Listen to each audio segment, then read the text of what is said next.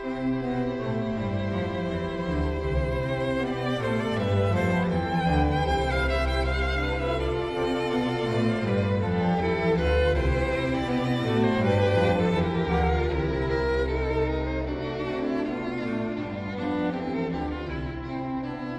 allihopa, vänner, fiender, främlingar och alla andra. Det var väl alla i och för sig. Fick med de mesta tror jag. Ja, till Alla Tiders Podcast. Och idag är jag spänd, är du spänd? Ja men lite. Ja, jag är riktigt spänd för idag ska vi prata om Fabis-grejer, vi pratar typ alltid om Fabis-grejer. Vi har så många favoriter. I och för det- sig. Mm, det är svårt det där, men uh, ja, Jeffrey Chaucer. Det ska bli kul va? Den engelska litteraturen, eller den engelska poesins fader. Ja, just det. Två, två grejer på en gång. Framförallt författaren då till Canterbury Tales, Mm. som brukar räknas som ett av den engelska litteraturens allra viktigaste verk. Ja, det har jag hört. Harold Bloom har sagt det. Här Blom, ja, men då, då är det sant. Ja men vi befinner oss då alltså vid andra hälften av 1300-talet. Just det. Så väldigt länge sedan. Och ehm, om man minns vårt, våra avsnitt om Stjärnhjälm och Skogekärr Bergbo så är vi alltså 300 år före den svenska skallekonstens fader. Ja, just det. Det. Så att, ehm, ja, men när man säger den engelska litteraturens fader, då menar man alltså att Chaucer är alltså väldigt viktig i rörelsen att börja skriva litteratur på folkspråk, Ja, på medeltids engelska i det här fallet. just det. Det var inte alla som gjorde. Nej, så istället för latin och franska som annars var de litterära språken Precis. i den här tiden i England. Så man ville ju skapa en nationell litteratur och identitet. Ja, varför inte? Mm, Det fanns några andra som höll på samtidigt, eh, men de är inte lika kända. Pearl Poet är ju en man pratar om. Som inte är namngiven, men han skrev Sir Gawain and the Green Knight. Men eh, du har ju läst Chaucer lite längre än vad jag har. Eh, ja, det har jag väl eh, faktiskt. Ja, det var jag som tipsade dig, så det låter rimligt. Det var det. Så glad för det. Men b- b- perfekt, då fick jag, får jag äntligen vara lite personlig igen. Det gillar jag ju att vara, så att ni alla får höra mycket om mig. För det är ju det spännande, mest spännande ämnet. När man ändå pratar. Jag håller med. Som alla bra historier så börjar den på gymnasiet va? Det började så tidigt. Ja, faktiskt. Det var lite av en slump. va. Så här var det. För när jag var, jag, jag var 17 när jag köpte Canterbury Tales. Som alla coola tonårskillar så gillade jag ju framförallt två saker när det kom till böcker då.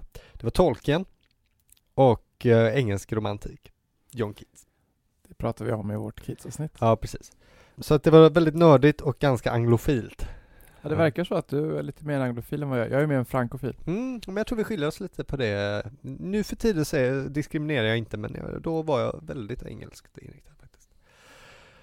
Men då dök ett namn upp om och om igen va, när man höll på att läsa om det här och det var ju eh, Jeffrey Chaucer. Som du sa, den engelska litteraturens fader, alla referenser går tillbaka till honom hela tiden. Och Shakespeare mycket såklart, men det läste man ju. Men, men så blev man ju så nyfiken. Framförallt för att medeltiden är ju lite mer mystisk. Ja, får man säga. Man hör att någonting är från medeltiden, men det, det, det är sådär, ja, just då hade jag lite svårare att få grepp på vad det exakt kunde vara va? Så, men att få tag i Canterbury Tales var inte lätt faktiskt för en uh, gymnasist i Göteborg för att det fanns ju inte i någon bokaffär, kunde jag inte hitta den och jag hade för hög skuld eh, på biblioteket så jag fick inte låna böcker där. Nej, Det är någonting som fortfarande drabbar mig uh, väldigt hög grad. din slarver. Ja, jag tycker, jag tycker det där systemet borde eh, göras om lite. Men om det går tio år så skrivs det av. Har jag märkt. En fågel har viskat på mitt öra att du inte ens använder ditt eget bibliotekskort. Nej, det gör jag inte. Nej, det gör jag inte. Det, för det är inte till. Jag hoppas att inga bibliotekarier lyssnar på Nej, precis. Nej, eh, de har nog med problem tror jag. Nej, men um, vi gick till engelska bokaffären och beställde boken. Det, var, det är lite suggt när affären har nu stängt. Jag tror, jag tror att den har stängt för gott på grund av corona. Ja, den som låg, ligger vid, låg vid fiskeköket. Ja, precis. Men det var en fantastisk bokaffär. Jag beställde mycket böcker dit. För man bara frågade, kan ni eh, ha den här boken? Nej, den köper vi. Så gjorde de det. Ringde de sen när den kom. Perfekt du. Jag minns då att eh, mannen som tog emot min beställning gjorde mig lite för, för, förvirrad. För han frågade om jag ville ha den i original eller förenklad version. Och jag då som inte visste så mycket, jag fattade inte alls vad han sa och sa, det är klart jag vill ha original. Jag, ska väl ha, jag tänkte väl att förenklad är säkert någon sån här du vet, barnversion eller någonting. Som ju finns ofta av klassiker just. För jag hade ju inte sett någon medeltidslitteratur än i i verkligheten va. Sen gick det någon vecka. Jag drömde mig bort va, till eh, 1300-talet och Englands gröna skogar. Riddare i röstningar. Precis, härligt. Eh, sen kom boken. Jag hämtade den med stor spänning och gick och satte mig på Burger King på Järntorget. Det är så bra bild. Ja, det är bra. Det är en sann bild också.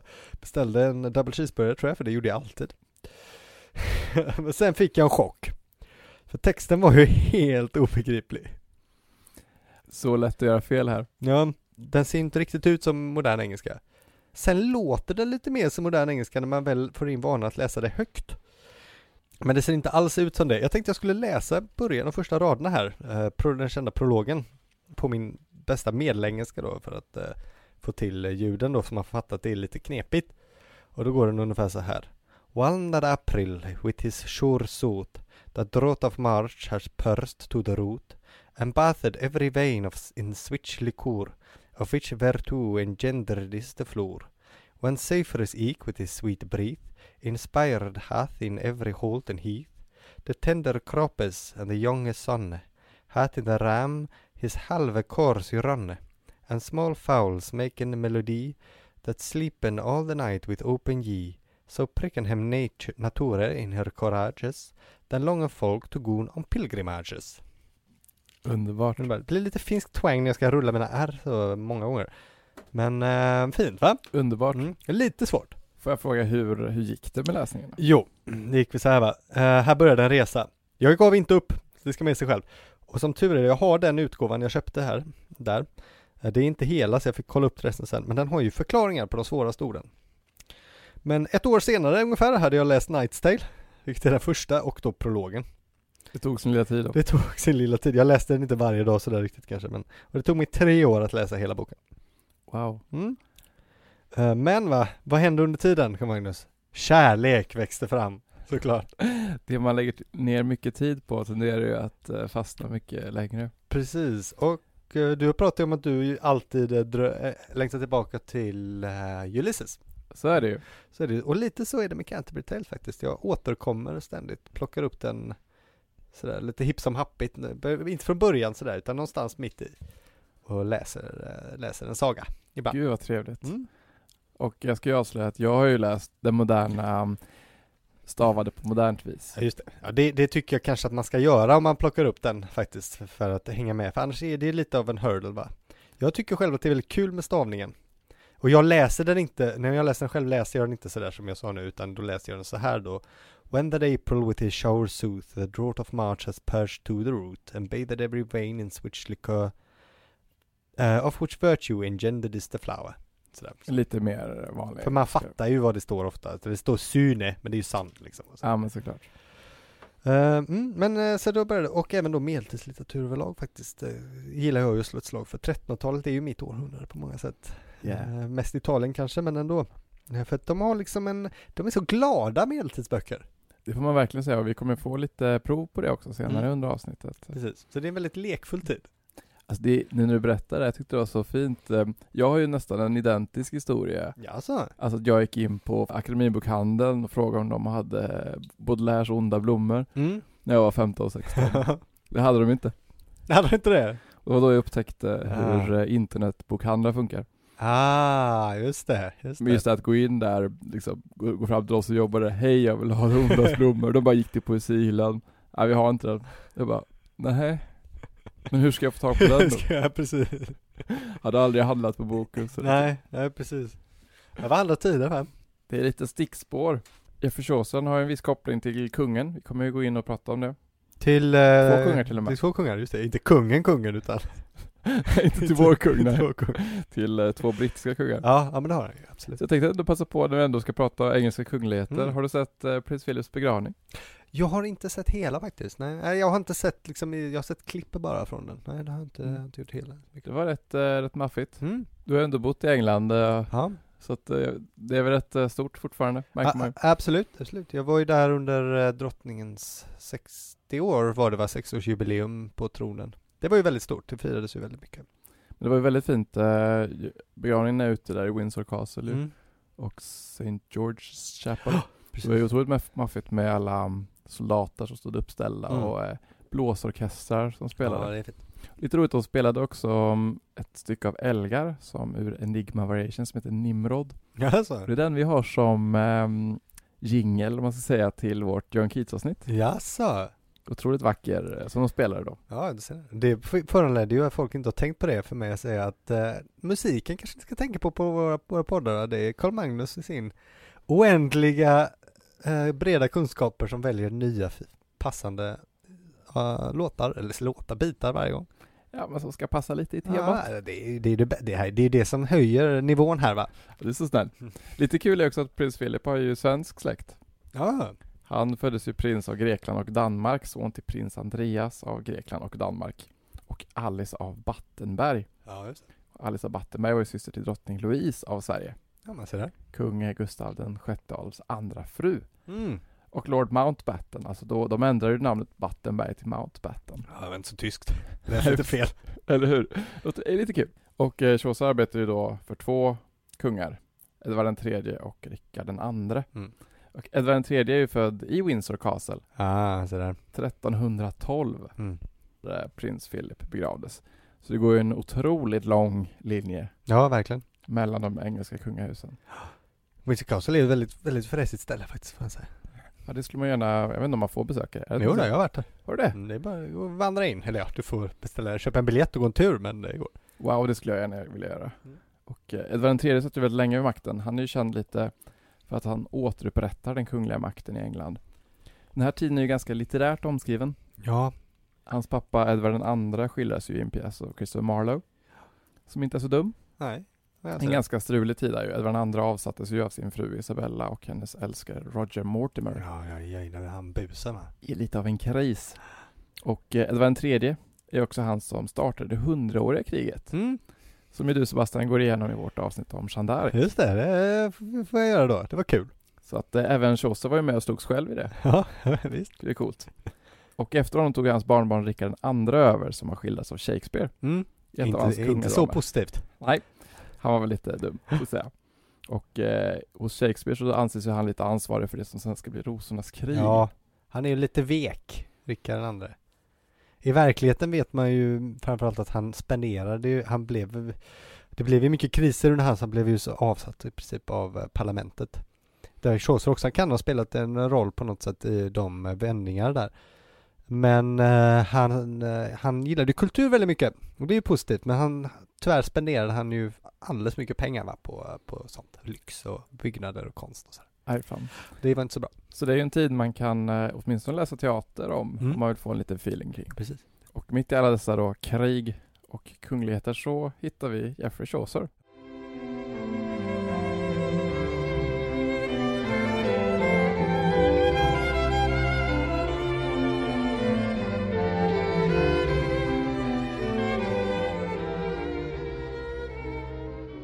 Det som är lite kul med Jeffrey Chaucer det är att vi vet ganska mycket om honom om man jämför med då de andra poeter samtida i, i England framförallt. Eh, som vi inte vet något om som då Pearl Poet till exempel som inte ens vet vad han heter, som bara kallas för det. Och det är väl på grund av hans relation till kungarna då? Ja, alltså det har att göra med hans tjänst, han jobbade ju som statstjänsteman och han hade, han hade väldigt många jobb, väldigt många olika jobb. Uh, alltså hans biografi blir väldigt snabbt en serie positioner och jag har försökt att undvika det i den här. Alltså en CV-biografi är ju inte så kul. Nej, men han har liksom, därför vet vi, vi vet i princip vad han gjorde hela tiden va? för han var ju, hade ju alltid något nytt jobb. Och det finns ju då nedskrivet i statliga dokument och så kan man följa hans karriär höger och vänster. Men hans bakgrund kan vi börja då, han föddes 1340 ungefär, vi vet inte hur det är, men man säger 1340 i London, så han var en Londonsnubbe uh, inne i en uh, antagligen väldigt välbärgad borgerlig familj av vinhandlare. För det hör man ju inte på hans namn riktigt va? Nej, det, det gör man inte, det är sant. Men man hör ju hans uh, borgerliga bakgrund. För, alltså att han inte är adlig utan att han har en uh, hantverkarmässig bakgrund. Ja. Från då Chaucer som kommer från franska chasseur, skomakare. Helt enkelt. Det här är ganska vanligt det här med Alltså, det kommer ju in mycket franska familjer från Normandie och sådär över till England och anglifierade namnen efter några hundra år. Men han tillhörde då hantverkarklassen, men den väldigt övre delen av den, om vi säger så. Han kallades Jeffrey, eller kanske Galfrid. Uh, han kallar sig själv på latin för Galfridus. Nämligen, uh, det är lite svårt där, men för det här är en kul detalj, att på medeltiden och de flesta andra tider då, så var man inte så himla noga med exakt vad man hette. Så man kunde heta lite olika, så länge det var ungefär samma namn i olika sammanhang. Det märker man ju även senare hos lärda folk att de kan anglifiera och eh, alltså Ludwig, Ludwig van Beethoven skrev ibland Louis Beethoven i Frankrike och sånt där. Att man kunde göra lite ena och andra med sina namn. Ja, precis. Det tycker jag är kul. Jag tycker det är någonting vi kunde göra mer av nu tiden. Man blir svår att spåra då. Ja, precis. Jag har ju lite det. Jag heter ju ibland Karl och ibland Sebastian i olika sammanhang. Äh, ja. Inte bara av eget val utan att folk bara väl tar och kallar mig olika. Myndigheterna. Ja, precis. Uh, han skulle ju spendera hela livet runt Arden och de övre stånden då. Uh, hans familj verkar på något sätt ha varit så främst, uh, har fixat in honom så att han kunde arbeta då som page till att börja med en familj som stod väldigt nära knuten Edvard den tredje. vi vet ingenting dock om hans utbildning i princip, mer än att han utbildade sig till jurist uh, i The Inner Temple, eller Temple Court i London. Men uh, hur han fick sin då, hur han började som poet och var all den här antika bildningen kom ifrån riktigt, det vet vi inte. Han, för han gick inte på universitet så vet vi vet. Okej. Okay. Det här är ju en intressant koppling då med Shakespeare kanske om man vill återknyta till ett par avsnitt sen. Att uh, inte heller fadern till den engelska litteraturen nödvändigtvis hade en så att säga högre utbildning i det som vi känner den idag. Okay. Utan bildning på den här delen handlade mycket om att man delade texter till varandra och, och, det var mycket muntligt att man hörde historier om antika människor snarare än kanske läste dem i skolan. Liksom. För det finns ju mycket antikt stoff i Canterbury. Väldigt mycket. Och Vidius eh, paralleller och Seneca citat. Och så. Ja, väldigt mycket Boetius också. Ja, visst det. Sådär. Eh, men det har han eh, väl plockat upp på egen hand, antagligen kanske. Eller sådär. Det ingick i klassen snarare än att det handlade om utbildning. Men det var bra att du sa det. Orolig tid, hundraårskriget. Det är också, eh, senare har vi också det stora eh, bondeupproret i Storbritannien, The Peasants Revolt. Där kring Rikard IIs eh, uppkomst och sådär. Som var stort och de tog sig nästan, de tog sig hela vägen till London. Skulle attackera Towern. Tills då John of Gaunt som han hette, som var Knut som kände Jeffrey Chaucer. Högg huvudet av ledaren av rebellerna och sen eh, tor eh, tortera dem eh, till alla ledarna, resten av ledarna. Och så var det slut på den. Så. Fan. Men man vet inte om Chaucer var involverad, men det var ungefär han, det var människor han kände som höll på med det där. Aj då. På maktens sida då. Mm. Men, och så, så var han med i hundraårskriget. Antagligen som soldat, men vi vet inte riktigt. Men det som är spännande, det är att han under den tiden rörde sig runt på kontinenten. Det vet vi. Eh, antagligen diplomatiska sätt. Han skulle, skulle jobba till med att få arrangera äktenskap och sådär mellan kungahuset och andra adliga i Storbritannien och fina familjer nere i Frankrike och Italien. Och därför var han, råkade han befinna sig i Italien på 1370-talet. Ganska sällsynt berest ändå för att, eh, för att inte vara kunglig. Väldigt faktiskt. Om man tänker på att Shakespeare var ju väldigt icke berest om man jämför. Nej men verkligen. Men Italien just den här tiden, 1370, är ju här, här, nu är vi ju inne i, i guldåldern, va? den bästa tiden. Om du hade mm. fått en tidsmaskin? Oh, det hade varit spännande va? Åka dit. Uh, för att då är det ju två personer som är aktiva och verksamma. Uh, och det är ju en herre som heter Petrarca och en annan snubbe som heter Boccaccio. Ja. Och de skrev ju på italienska då. I följ efter, efter Dante bland annat. Precis. Uh, det här är ju generationen efter kan man säga. Dante. Och det är egentligen då det kommer igång på riktigt va så vitt vi vet så har antagligen Chaucer träffat Petrarca och Boccaccio personligen. Ja, det, det, det är klart, det, det, finns ju inga riktiga bevis för det. Nej. Men uh, det är ju högst rimligt. Högst rimligt, ja. Akademiker höll ju på att bråka lite då såklart. Man kan ju alltid säga De gör ju det. hur rimligt det är och sådär. Ja. Men vi kommer gå in på det lite närmare. Han har ju uppenbarligen läst Decameronen någon det, gång. Det har han definitivt gjort. Det, Något vis. Det har han absolut. Han har, jag tror han har läst allt Boccaccio. Jag skulle säga att han är lite av Boccaccio-fanboy. Jaså? Uh, Chaucer faktiskt. Lite som mig själv på det sättet. Kanske därför jag gillar honom så mycket. Lika barn lika bäst. Ja, exakt. Vi är ganska säkra på att uh, han var på samma bröllop som Petrarca i Milano 1368. Mm. Så att uh, om han inte träffade Petrarca, kanske han inte vågar gå fram, vem vet? Nej men precis. Så jag, jag vet om jag såg en idol på en fest, det är lite nervigt. Eh, men för den som inte kan så mycket då, att Petrarca han skrev ju framförallt då eh, dikter på den här tiden på folkspråket, sonetter va. Han var inte först med det. Men han, eh, det, det blir, han blir så pass känd och stor va. Jag slår. Och Boccaccio skriver ju det som sen ska bli Chaucers stora grej också då, vilket är liksom sagor kan man säga eller Folkberättelser, de är lite blandat sådär men eh, goa stories helt enkelt. Och där märker man också den här, eh, alltså just den här övergången ju som sker både i England och i Italien att Boccaccio skriver sina biografier och sånt på latin. Petrarca skriver sina vetenskapliga stora texter också på Mm. latin. Ja, ja. Så att man ser att de skriver ju på båda språken men väljer då folkspråken för delar av sin utgivning. Nej, exakt. Så man är i den, i den liksom, att man har en fot i olika läger här, men att det är på väg åt folkspråkens Nej, exakt. Liksom, renässans då. Ja, verkligen. Precis. Och hur är det med skrivandet med Chaucer? Jo, det gör han ju parallellt om hans alla olika jobb som tjänsteman. Men han var uppenbart väldigt känd och uppskattad av sin samtid. Så det var inget han gjorde i smyg. Eh, utan eh, det skedde offentligt. Eh, bland annat skrev han dikter för att hedra ett kungligt bröllop. 1382. När Rickard, eh, Rickard II skulle gifta sig.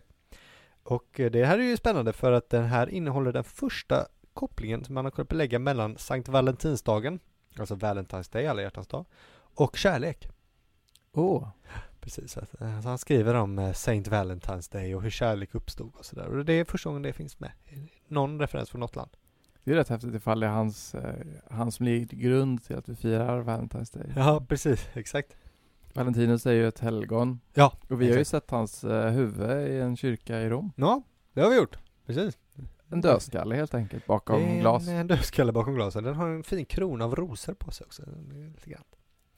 Jag kommer inte ihåg vilken kyrka det är nu men... Nej, jag kommer inte ihåg vad den heter. Jag vet var den ligger. är, det- är, det, Men- den, är det den kyrkan med... Eh, Bocca de Verita. Ja. Mm. Där inne ligger... Eh, Ja, den Ja. ligger exempelvis. Huvudet då, resten av kroppen är väl någon annanstans. Sånt som händer. Ora pro nobis. ehm, men också på Sankt Görans dag, St. George's Day 1374, då fick eh, Chaucer en, eh, ett, ett pris av kungen. Eh, Edvard III. Och jag vet inte riktigt varför. Men antagligen tror man att det är på grund av hans texter och att han har framfört dem. För det, det verkar ha, det, det ligger liksom i linje med andra sådana tillfällen. Och då fick han en gallon vin om dagen för resten av sitt liv. härligt. Det är ungefär 4,5 liter eh, vin Om dagen. om dagen. Resten av sitt. Sen, sen skulle det omvandlas i hans pensionsålder ungefär till pengar istället. Men eh, innan det fick han. Ganska Fick han mycket att dricka. Det är ganska mycket att dricka ja. Mm. Tror man att han sålde det vidare då eller drack han allting? Antagligen sålde han väl det vidare. Men eh, man drack ju gärna inte vatten på medeltiden så. Nej, men det blir väldigt mycket. Det blev, det blev mycket vin. Ja. Man, drack, ju- man dricker ju knappt så mycket vatten ens. Nej, nej det gör man Man faktiskt dricker väl lite 4,5 liter vatten om dagen. Nej, kanske inte. Kanske två. kanske två ja. Två är väl rekommenderat tror jag. Ja, säkert. Nej. Utöver hans skrivelse som jag tänker jag ta sen här så var han en väldigt framstående person i statsapparaten. Han tog hand om eh, kungliga skogar bland annat under en period. Sen var han tullansvarig för London under, eh, under en del. Ibland var han jurist. Så han hoppade runt och fick olika tunga poster liksom. En sån där person. Han låter väldigt kapabel. Ja, men det var han säkert. Det eh, hoppas det. Eh, men han, eh, han blev väldigt hårt skadad i ett rån 1390. Så han blev rånad och, och skadad och efter det så verkar han ha pensionerat sig. Och de tio år han levde till, det vet vi nästan inget om. För då försvinner han ju från eh, liksom dokumenten helt enkelt. Statsdokumenten. Och han dog den 25 oktober 1400 av okänd anledning. Eh, Så det, det vet Druckit för mycket vin kanske. Kanske. Och då begravdes han i, i Westminster Abbey. Eh, vi kan komma till det också mer men det gjorde han, vill jag lägga in då, därför att han hyrde en lägenhet eller bostad av eh, kyrkan, alltså Westminster Abbey då, av det, det, deras egendomar. Jaha. Och då ingick det i hyreskontraktet att man blev begravd i kyrkan när man dog. Det är ett fint ställe att Ja, få en begravningsplats. precis. Det var ju väldigt viktigt på medeltiden. eh, att man, eh, man ville liksom ligga i en fin och pampig kyrka med mycket munkar. Och Westminster Abbey hade ju väldigt mycket munkar va? För då gick de och höll på och, och gjorde liksom mässor och sådär. Och det var ju bra. Bra för själen. Ja precis, och då ingick det som en liksom bonus eh, i de här hyreskontrakten. Mhm. Så det var hans liv. Ja. Så spännande ändå för sin, eh, för sin tid. Ja, men ändå gjorde ändå väldigt mycket och Mm. fanns sig ändå i maktens korridorer. Ja, precis. Han, eh, han hann med mycket. Ehm, och vi kommer såklart att typ bara prata om Canterbury Tales för det, den är ju bäst. Men jag tänkte säga några saker också om ett par andra, för han har skrivit annat va? Han har skrivit mycket. Tycker jag. Ja men det är, det är mer än vad man känner igen kanske. Mm. Eh, En, det första han skrev, som, så, första han skrev, som finns, är ett, ett ABC. Det är då eh, åtta rader per bokstav. Mm, På alla bokstäver i alfabetet helt enkelt. I, formen av en bön till eh, den heliga jungfrun. Så det är det första vi Okej. har. Lite kul format. Men är det för barn att lära sig? eh, Ja, kanske. Kanske kan man så. så. Men du vet, det börjar på A så. Alla går här och sen nästa grej börjar på B. Boris, du vet. Ja, jag tänker på, jag tänker på Lennart Hellsings ABC. Ja, ja men lite, lite i den, i det spåret. Tänk på den här fina Q är ett O med en svans. Det är en bokstav som en gång fanns. Ja, den, gillar jag. Stackars kut som vi aldrig använder. Nej, precis. Min favorit är alltid, varit Bagar Bengtsson, han är död, han har bränt sig på ett bröd. Den är grym. Jag vet inte om den är med där i och för sig, kanske är någon... Det är nog med i Bagare Bengtsson, ja, jag tror. jag tror också. Han har bränt sig på ett bröd. Fast han är inte död i, ba- i Bagare Bengtsson, han lever ju där. Ja, Om han inte dör i slutet. nej. Det är så kul bara tycker jag, han bränt sig på ett bröd um, sen skrev han ett stort verk som heter The Book of the Duchess, som var någon sån här eh, lite hovsmicker kanske. Det handlar om en eh, kvinna som heter Blanche av Lancaster. Uh, och ha- hon har dött och han skriver liksom en hyllning till henne. Hon, be, be, hon rör sig bland de antika gudarna och sådär. Den har inte jag läst, det verkar inte så kul. Det är säkert bra, men, men det har- var inget jag har plockat upp. En bok jag dock har läst är Troilus och Chryseide. Man tänker annars på Shakespeare-pjäsen kanske. Uh, jaha, ja det gör man kanske. Just det. Eh, och eh, det är en hövisk riddarroman, va? En ganska steamy uh, riddarhistoria om förbjuden kärlek under, som utspelar sig under det trojanska kriget. Vilket är mycket, 1300-talet är mycket så här riddare fast antikens Grekland. Det kan vara lite anakronistiskt kanske, men det är kul också. Tänk dig Achilles eh, fast som uh, Lancelot typ. Låter ju fantastiskt. Bästa av alla världar. Och det är så här då, en väldigt kort recap här. Troilus, han är en eh, trojansk riddare då, som eh, först snackar massa skit om kärlek. Borde han inte göra. För då blir han såklart bestraffad av eh, Amor. Som gör att han blir kär i Kriseide. Och hennes pappa, han är profet, Kalchas heter han. Han, eh, och han har flytt till grekerna eftersom han eh, vet att stan kommer att förstöras. Så han har ju sett det va, och tänker jag, jag kubbar. Smart. Mm, ja faktiskt. Lämna Crusade ensam. Eh, och då är det så att uh, fixarkillen Pandarus som är med som en lite komisk gestalt och en uh, alltid ärlig lurefax. Han, eh, han ser då till då att uh, Trolls och Crusader de, de får ligga med varandra. Efter många, många hundra rader av uppbyggnad. så det, är, tar, det tar tid. Alltså, Lite förspelare. det är, det är liksom, ja men det, den är ganska lång den här boken. Det är väl, vad är det, sex böcker på säg 2000 rader boken eller något sånt där eh, kanske. Ja, det är rätt långt det. Det är ganska långt och det är då, alltså tänk att det är ju inte förrän ganska långt in de, det händer något va. Så det är mycket, mycket snack, det är mycket, mycket kärlekskrankt på vägen. Men det är också kul. Sen sticker Crusader till sin farsa då, och säger jag, jag kommer tillbaka lovar hon. Eh, för hon ska väl hon ska kolla hur det går med honom. Men vad händer då? Då blir hon ihop med Diomedes istället. Nej. Ja. Ehm, det var inte så snyggt här. Nej. Troilus han blir ledsen och sen går han ut och slåss och dör i striderna. Och så i slutet ber Chaucer lite om ursäkt för att han verkar lite taskig mot tjejerna här när han skriver så.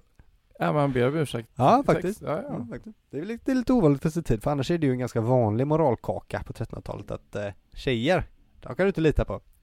Nej, det är... Det kommer lite mer av det snart. Ja.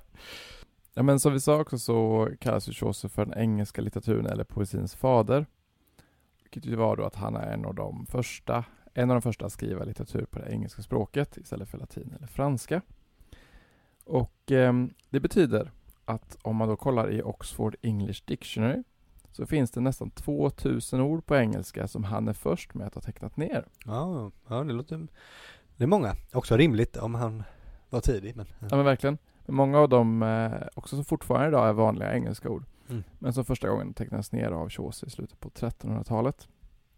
Man kan söka på Wikipedia om man vill på English Words First Attested in Chaucer Ah, nice. så kan man se alla ord och var man kan hitta dem i vilken saga och sådär. Ja, det är fredagsläsning. Verkligen. Man kan ju inte läsa upp alla, men uh, bara för att nämna några ord som första gången i engelsk text finns hos honom är acceptable, Mm. angrily, army, arrogant, artillery, absent, accident, bagpipe, border, box, desk, flute, funeral, galaxy, horizon, obscure, observe, princess, resolve, scissors, universe, vacation, village, vulgar och så vidare. Det innebär ju såklart inte att han hittat på de här, det har han ju inte gjort. Nej, nej, nej precis. Men det betyder att han alltså för första gången skrev ner hur folk pratade Mm. och vilka ord som användes på den här tiden men som då tidigare inte hade dokumenterats. Nej, alltså när man läser den då på original, det är förvånansvärt hur lätt det går. Verkligen. Eh, det är ofta stavningen som kanske fuckar den. Men de eh, flesta ord känner man absolut igen. Sen är det några väldigt vanliga ord som är med som är, inte finns kvar, som ik. Som betyder samma som also. ja, Och switch som är such istället. oj, Eh, men annars, annars brukar det funka. coolt. Mm. Men och anledningen till att han gjorde det här då, delvis, det är ju precis som när vi pratar om Skogeskär Bergbo, så har det, det har med nationell politik att göra. Mm, det brukar alltid vara det nästan. Det brukar ändå vara det. Och ehm, det vill säga med Edvard IIIs krig med Frankrike i det hundraåriga kriget. Mm, ja, ja, det är klart man inte vill skriva franska när man har varit och sl- slaggat på Pierre hela eftermiddagen. Nej, precis. Och det fanns då en stor rädsla den här tiden för en fransk invasion. Ja. Så i och med uppkom då en känsla av nationell identitet Mm. samtidigt som då Edvard III förstärkte liksom landets engelska aristokrati. Just det. För tidigare hade ju stora delar av den brittiska aristokratin varit anglo-normandisk som du nämnde ju. Mm. Eh, Man känner kanske till Wilhelm Erövraren, den normandiska eh, erövraren, Ja, precis. som ju då hade tagit över ja, Ja. stora delar av England och att det var mycket normander och sådär i England. Man kan ju tänka på att Rickard Lejonhjärta, den kända engelska kungen, ju inte kunde ett ord engelska. Det är rätt intressant. Ja. Han var bara i England en gång och det var för att krönas. Sen åkte han hem till Frankrike igen. I Robin Hood när han kom i slutet så pratade han ju samma språk som alla andra. Ja, det är han. Det är sant. Men det kanske är en eh, fel av dem. Tyvärr är Disneys Robin Hood inte en exakt historisk Vad säger du? Vad säger du? Men i alla fall, det fanns till och med rykten, alltså sen Edvard den första redan, att eh, fransmännen planerade att försöka utrota det engelska språket. Oj, det var ju tråkigt. Och eh, så det är ett ganska segt rykte och Mm. eh, det ville såklart inte Edvard den tredje. Utan försökte motverka det så mycket som möjligt. Så att ehm, den här då trenden då, den möjliggjordes alltså från kungligt håll då, som då finansierade den här litteraturen. Ja. Chaucer jobbade ju då för honom som en massa olika grejer, men han författade också sina verk. Ja, nu ser man att det hade statlig spons. Verkligen. Och eh, tack vare det så fick ju då eh, engelskan då som språk en stark nytändning. Vilket man även märker eh, i den eh, juridiska delen av Mm. samhället. Alltså 1362 så bestämde man att man skulle använda engelska i domstolarna. Mm, shit. Och året efter öppnade man parlamentet för första gången på engelska. shit. Det finns faktiskt en del av parlamentsöppningen nu som fortfarande är på, ang- på eh, normandiska. Jaså? Gammal normandiska. Wow. Bara, jag tror att de ska, när de knackar, jag tror att de knackar på för att öppna eller någonting och då ska hon fråga något. Jag tror att det ska vara på. Okej, coolt. Mm. Och engelskan då, det engelska talspråket, eh, dök upp igen då som ett litterärt språk, inte minst i Chaucers Canterbury Tales. Men han var ju såklart inte ensam, utan det fanns ju andra författare också den här tiden som ja, William Langland eller John Gower och The Pearl Poet som du nämnde förut. Men sen ska man ju inte överdriva heller att alltså, tro att det här skedde över en natt, utan det är snarare början på något. Ja, det är klart. Alltså bestämningen om engelska lagar, den var faktiskt skriven på franska. Jaha, okej. Ja. Att man skrev på franska att nu, nu ska vi skriva lagarna på engelska. Kul. Och eh, man öppnade faktiskt fortfarande parlamentet på franska, alltså fram till 1377. ja. Så det var ju mer liksom en, Det var mer en engångsgrej. ja, en sakta förändring kan man säga. Jag och, eh, så detta är den politiska beskrivningen till varför Chaucer skriver på engelska. Som då har med engelsk identitet och ett kungligt perspektiv att göra. Mm. Men, och det andra sättet, det är ju det som vi faktiskt redan har benämnt lite grann. Att skriva på folkspråket blev en större trend, inte bara i England utan också i resten av Europa vid just den här tiden. Inte minst då Italien med Dante och eh, Petrarca och Boccaccio. Just det. Och då kanske Boccaccio som ligger då närmast Chaucer i genre åtminstone. Oh, verkligen. I rejoice, rejoice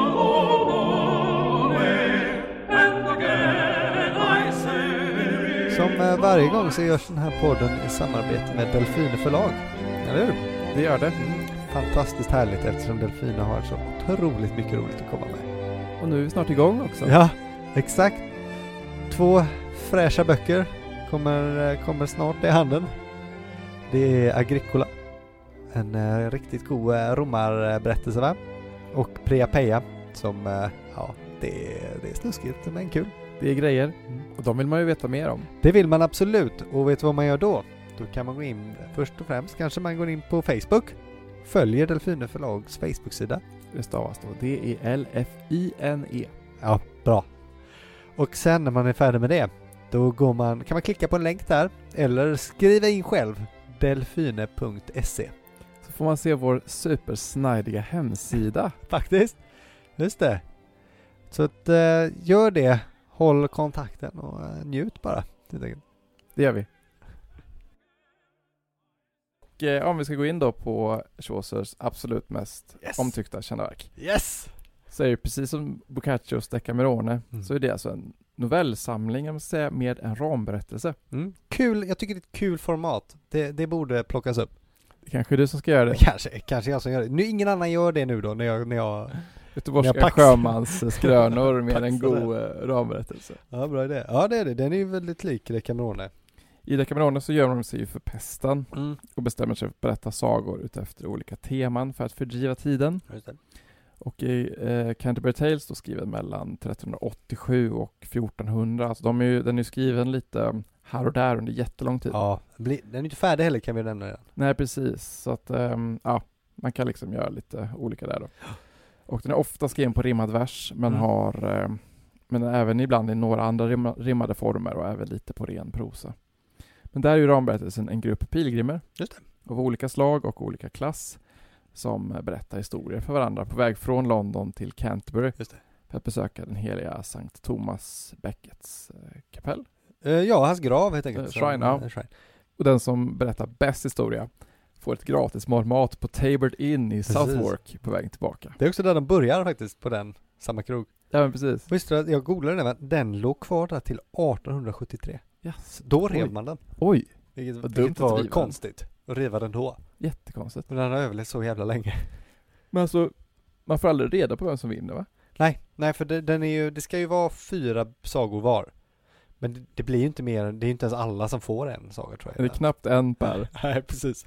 Men jag tycker det är lite snopet att man liksom inte får reda på vem som vann. Nej, det ska ju bli över hundra precis som Decamerone är hundra.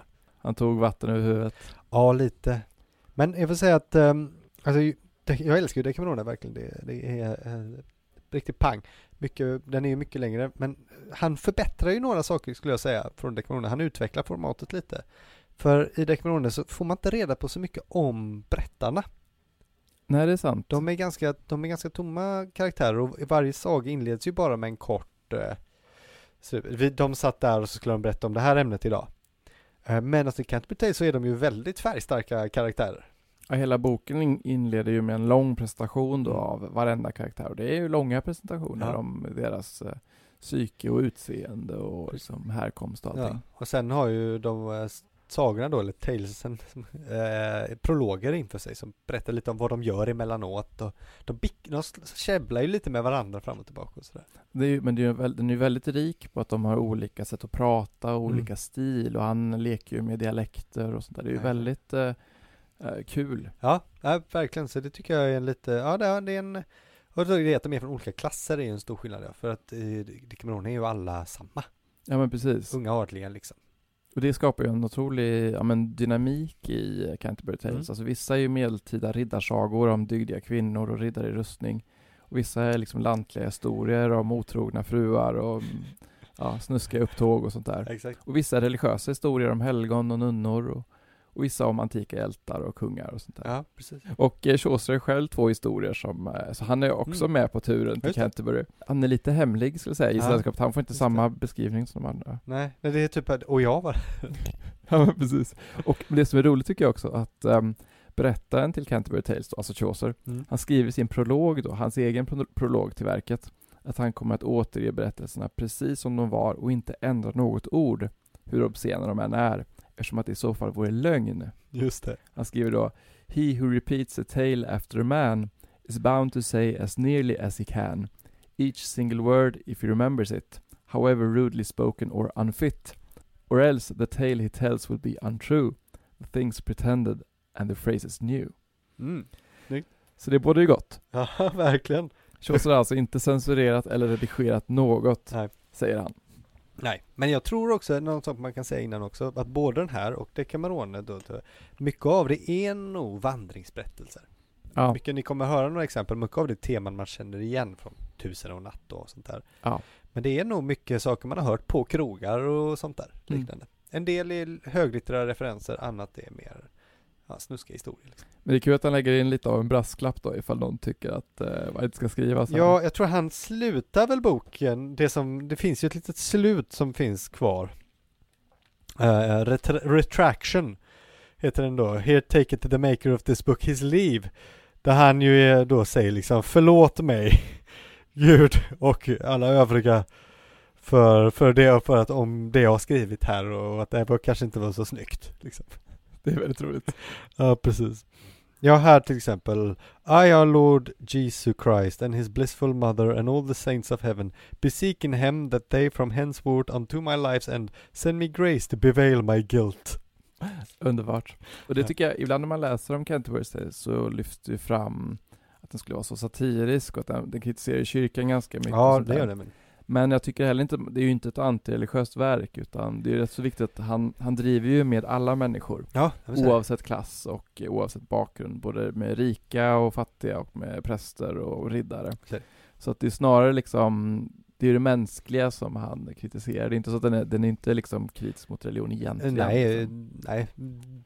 Tvärtom i stora delar också. Ja men Eh, precis. eh, Men så är det ju, det handlar ju om det snörpliga i samhället överlag. Liksom. Och det inkluderar även uh, Guds folk eller så. Ja, precis. Precis. Det är ganska, ganska, ganska ofta. De är roligare också ofta för att de är lite speciella. Verkligen. Ja. Men du och jag har ju valt ut två favoriter. Mm, som vi tänkte dela med oss av så att man får en liten, eh, liten feeling av de här sagorna.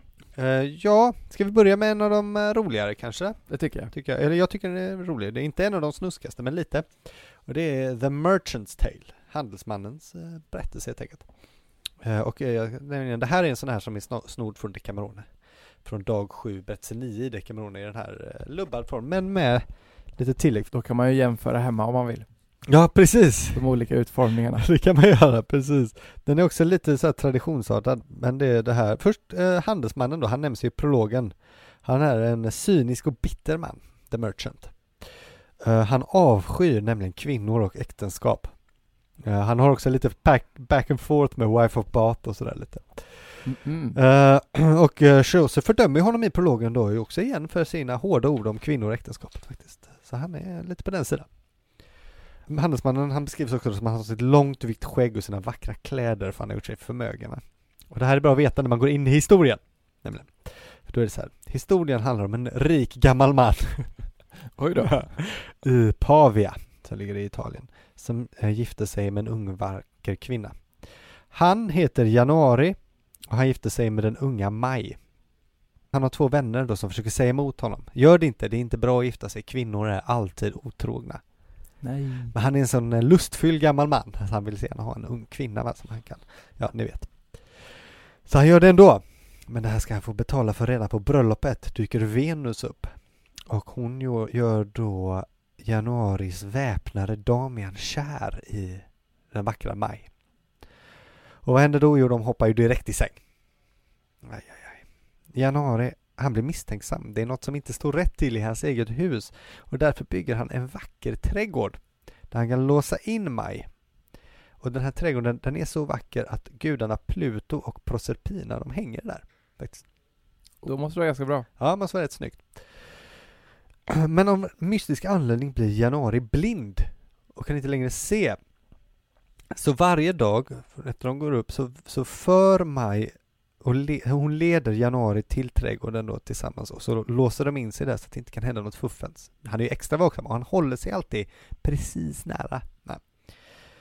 Men Maj, hon hjälper ju såklart Damian då, eller Damien, att smyga sig in i trädgården och övertalar Januari att hon är gravid och sugen på päron. och att han då därför måste klättra upp i ett päronträd och hämta till henne. Och det gör han, för han eh, vill ju vara snäll. Så han klättrar upp i päronträdet och medan han är där uppe då passar ju Maj och Damia på att hångla eh, under trädet. Såklart. Men guden Pluto som hänger i krokarna, han blir arg. Han tycker inte om när man eh, håller, när, eh, han har ju själv en ung fru, Proserpina. Han tycker inte om när man eh, bedrar sin äldre man på det sättet så han gör så att Janaris kan se igen. Han får tillbaka sin syn och då ser han ju sin eh, fru i en annan mans armar. Men Maj hon är snabbtänkt. Hon lurar Januari och säger att hon har fått veta, en dröm tror jag, eller av en, någon, att om hon brottas med en man under ett träd så kommer han få tillbaka sin syn och se, det fungerar ju. Och det här funkar. Och sen slutar det med att Maj och Januari lever lyckliga i alla sina dagar. mm. Det är lite underligt slut men så går det i alla fall. Mm. Jag har för mig att den är ganska grafisk med vad de gör. Ja, jo det är Att, eh, vilket är väldigt roligt om man tänker på det. det. Visst. Men jag tycker den är väldigt fin. Jag gillar också väldigt mycket de här, för det finns ju det här eh, med att han i januari som då speglar ålderdomen och vintern och, och maj, den unga våren och sådär. Mm. Det är väldigt fint och eh, de här små mytiska inslagen är väldigt roliga. De är lite, det är lite magisk verklighet över det eller vad man ska säga. Ja, Det här verkligen. med att gudarna lever i hans trädgård och så. Verkligen. Och ehm, det här temat går ganska bra in i min första. Mm, bra. För jag har valt eh, The Wife of Bath's Tale som då handlar om giftermål. Ja, det är ju en, eh, det här, det här är ju en av de absolut bästa. Verkligen. För det är ju så att eh, jag kan tycka att jag har lite svårt att komma ihåg vilken saga som är vilken, för alla har ju fått sitt namn efter den som berättar den. Mm, det är svårt. Så att, eh, men det här är Wife of Bath's Tale. Och det här är den första engelska texten man hittar ord som peace, resemblance, stubborn och vacation. Oj, kul.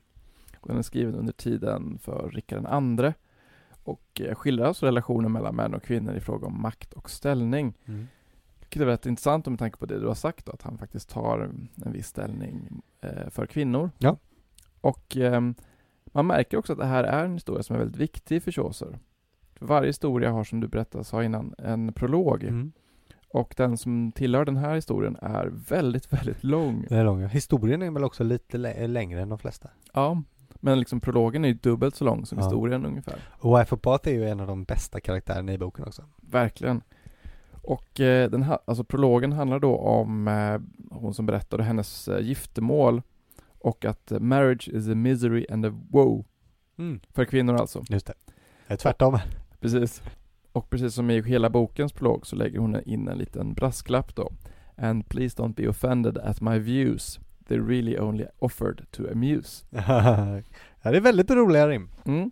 Hon berättar då hur hon tar olika älskare och hur hon kom- kommer undan med det och hur hon gifter om sig gång efter gång Ja. efter gång. Just det.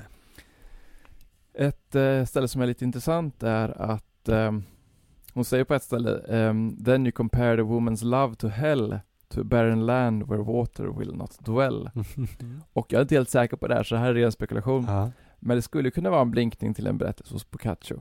Ah. Som ju handlar om en präst som bor tillsammans med en ung flicka som han vill ehm, eh, ligga med. Japp.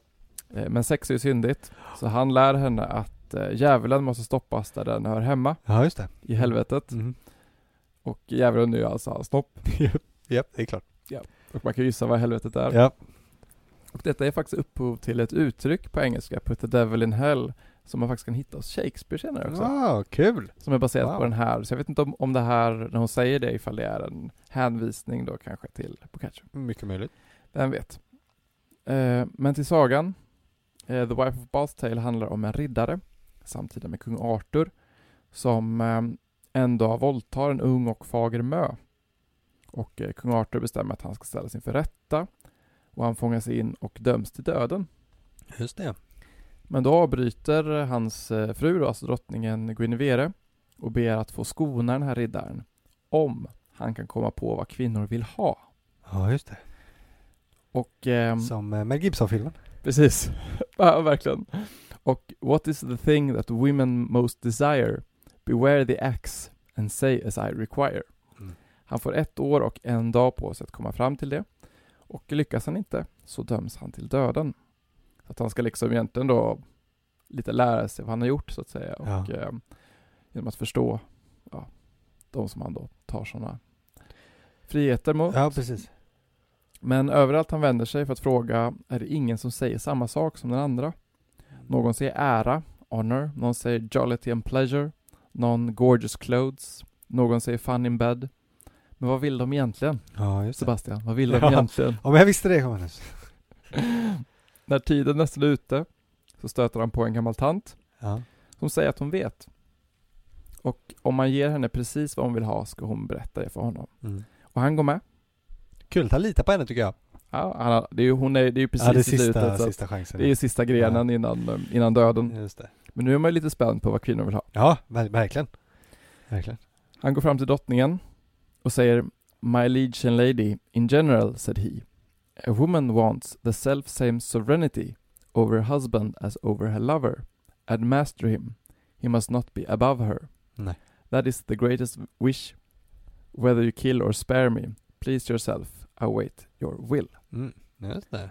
Och det är rätt. Så där, det var det hela tiden. Kvinnor vill alltså bestämma över sina män och inte stå under deras vilja. Nej. Den gamla tanten säger då att hon som tack vill gifta sig med riddaren. Och han får inte säga nej, Mm, nej, just det. eftersom hon har ju räddat hans liv. Och eh, även om man gör det motvilligt. Ja, jo. På. Men på deras bröllopsnatt så blir hon då lite, ja men lite sur för att han inte är så attraherad av henne. Nej, just det.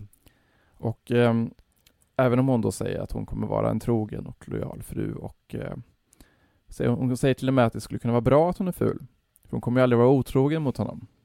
Ja, det är väl en eh, tröst i alla fall. Men hon ger honom ett val. Att antingen kan hon vara ful och lojal eller så är hon vacker men med risken att hon skulle kunna vara otrogen Ja, just det. och begäras av hans ja, vänner och bekanta och så. Mm. Han svarar då efter ett tag att det är helt upp till henne. Hon får bestämma helt själv Ah, och han kommer att vika sig för hennes beslut hur hon än gör. Vilket ju är precis vad kvinnor vill ha. smart svar. Så hon förvandlar sig och blir både vacker och trogen honom. Ah. Du ser. Så det är alltså Alla får vad de vill ha. Ja, och det är alltså det som man som man också får om man låter kvinnor bestämma själva. Mm. Både skönhet och lojalitet. Ja. Ja, det var väl en sedlande historia för alla. Ja men lite annorlunda för att vara från 1300-talet kanske. Ja, faktiskt. Den är, ja, den är, väldigt, eh, den är väldigt bra sådär. Det, är verkligen en saga. Det uppskattar jag. Verkligen och ehm, man brukar då läsa den här, det finns lite många sätt att läsa det här såklart. Mm. Men man brukar läsa det som en skildring av eh, den här tidens dubbelmoral.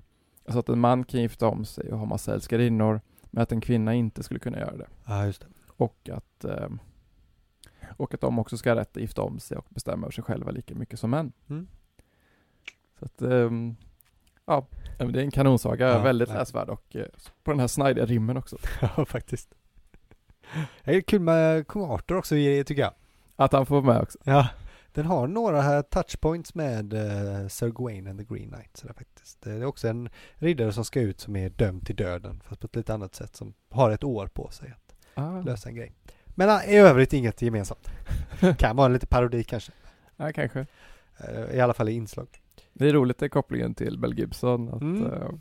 ja, men en ganska rutten man som måste liksom lära sig att förstå hur det är att vara kvinna, Precis. att kunna respektera och uh, bete sig som folk helt Ja, enkelt. undrar om det var det de tänkte på när de, när de gjorde den. Vem vet? Ja, säkert. Ja, kanske. Jag har valt en annan historia också här för jag tänker följa på på ett lite tyngre och moral, moralistiskt spår. I The Pardoner's Tale. Mm. Eh, Väldigt bra. Men eh, det första någon frågade kanske, vad fan är en pardoner? Låter som någon som ber om ursäkt. Ja, vi har ju många av det, för det är mycket, man får ju veta mycket om olika medeltida människor. Och vilka jobb som fanns. Det är många i sådär, the nuns priest and the canons yeoman och sådär. Jag kan inte gå in på alla, men en pardoner är en person som säljer avlatsbrev Mm. faktiskt. Så han säljer ju då pardons, helt enkelt. Pardon my French. Exakt. Eh, Det roliga med honom då är att i Canterbury Tales i sin prolog så erkänner han ju och skryter lite för de andra om hur han med, hur han handlar med falska avlatsbrev och mycket med falska reliker. Nej, inte så bra. Nej, och hur han lurar av den godtrogna pöben sina slantar på deras eh, tro. Lite av en skurk alltså. Lite av en skurk. Han är väldigt, väldigt skrupellös. Men det här det är då roligt för han berättar ju en väldigt moralistisk saga. Som då går på hans egenutnämnda favorittema Radix malorum est cupiditas, som han säger själv. Girigheten är ondskans rot. Mm, mm, mm. Så han, det, det går lite stick i stäv med hans egen, eh, hans egen person kanske. Det är den där dubbelmoralen igen. Ja, exakt. Och den här berättelsen, den börjar på en taverna i Flandern.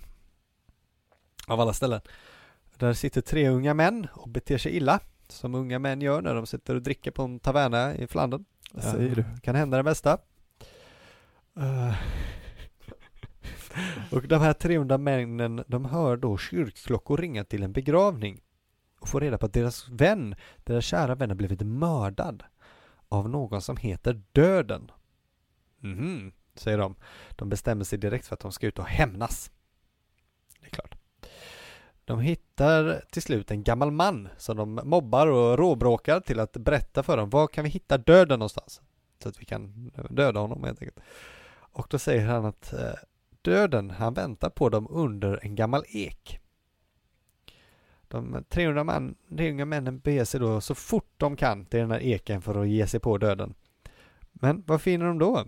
Bara en skur, stor skatt full med guldmynt. Mm. Spännande va? Det är ju inte döden, Nej, tänker man. Nej, tänker man.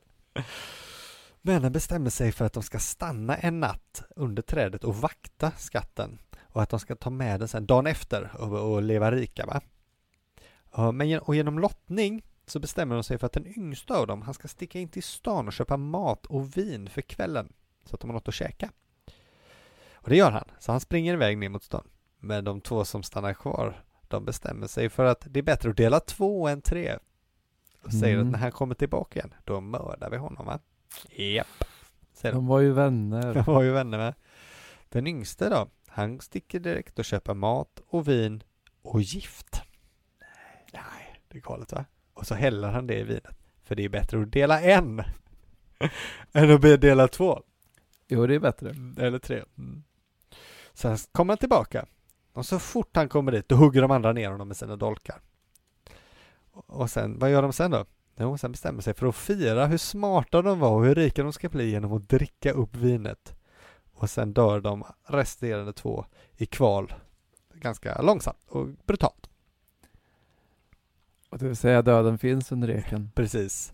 Ja, jag tycker den är väldigt eh, fin. Det är en av de eh, absolut starkaste tycker jag. Ja, den, den är, är så- riktigt grym. Den är så bra form, eh, formmässigt just. Men det här just när jag säger det, döden väntar på er under eken. Tycker det. Mm. Det är lite spökhistoria.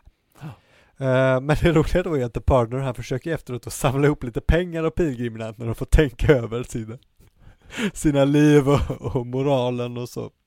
Men då säger eh, The Host eh, så här.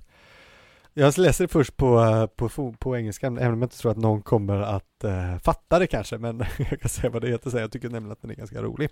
Det är skönt att få lite, lite feeling också för språket. Ja, exakt, jag ska bara hitta den här igen så jag har den i bättre text. Eh, Och The Host är då alltså uh, värdshusvärden ju som, eh, som eh, följer med dem. Och då börjar han säga Thou, thou wouldest make me kiss thine old breech, alltså underbyxor, and swear it were a relic of a saint. Sen hoppar vi ner I would I had thy coilons in my hand instead of relics or of saintry. Coilons är alltså pungkulor. Han säger Cojones. Portiones. Att jag skulle hellre kyssa din, dina, stoppa dina pungkulor i munnen än att betala dig för dina, dina falska reliker. Grymt. Mm. Och så slutar eh, The Partners Tale. Ja, mycket starkt. Mm. Bra slutord på den. Väldigt. Ja, då ska jag avsluta det här då. Mm. Ska vi se, det finns ju många kända historier i Canterbury Tales, Ja. förutom de vi har sagt. Det finns ju The Knight's Tale, The Miller's Tale, som Mm. jag tror att du går igenom i något avsnitt va? Det händer det kan hända att jag gör faktiskt. Kommer inte ihåg vilket. Nej, eh, jag, men det gör jag nog ja. Med det med astrologen och, och floden och det. Ja, men den är väldigt rolig i alla fall, men inte Ja. den jag har valt så att säga. Mm. Jag har valt The Reeves Tale. Mm. Också en klassiker. Ja, en av de skojiga och lite ekivoka berättelserna. Som avslutning. Eh, Den handlar om en mjölnare i Trumpington nära Cambridge. Han tar alltså emot eh, alltså säd och sånt och så malar han det åt folk. Ja. Men han är också lite av en knöl Mm. och brukar alltså lura sina kunder. Det är inte bra. Nej. Han och hans fru har också en 20-årig dotter som bor med en sex månaders bebis. Mm. Mjölnaren har gjort ett jobb då för Solar Hall som tillhör universitetet i Cambridge men tagit alldeles för mycket betalt. Ah. Han tar väl provision då tror jag på Mjölner. Ja, på- det låter rimligt. Men eh, han som då jobbade på universitetet och eh, ja, tog hand om den här affären, han var för sjuk för att göra någonting åt det, för att konfrontera honom. Två studenter blir väldigt eh, irriterade och bestämmer sig för att sätta honom på plats genom att försöka lura honom tillbaka. Ah, Så de tar med sig ännu mera säd än eh, den tidigare killen hade gjort. För att då, alltså en jättestor dos, ska man säga, och, ehm, och säger att de vill se på när han maler det. mm. Ja, ja, just det. Ska vi kolla att allt går rätt till? Ja, men de vill ju bevaka hela proceduren. Mm. Mjölnaren, han ser igenom dem då och tänker lura dem ännu mer än vad han lurade den andra killen. Mm. För han tänker att han är väldigt eh, street smart. Och det är mycket mer värt än eh, de här, deras collegeutbildning. Ja, ja, just det. Två unga sprättar här så tror jag de vet någonting om livet. Ja, det, ja. Så han släpper lös deras häst. Och medan de då försöker fånga in den under hela dagen så snor han deras mjöl Ja. och låter sin fru baka bröd av det. Ah, Så när de kommer tillbaka så är allting färdigt redan. Men då är det så sent att de vill sova över. Och eh, mjölnaren visar då sin otroliga talekonst genom att få dem att betala ordentligt överpris för det lilla sovrum som de får. Mm. Japp, de får ta vad de får och eh, går och lägger sig. Mjölnaren och hans fru i en säng, dottern i en, de två studenterna i en och det lilla barnet i en liten bagga. Mm. Men innan dess så dricks det vin.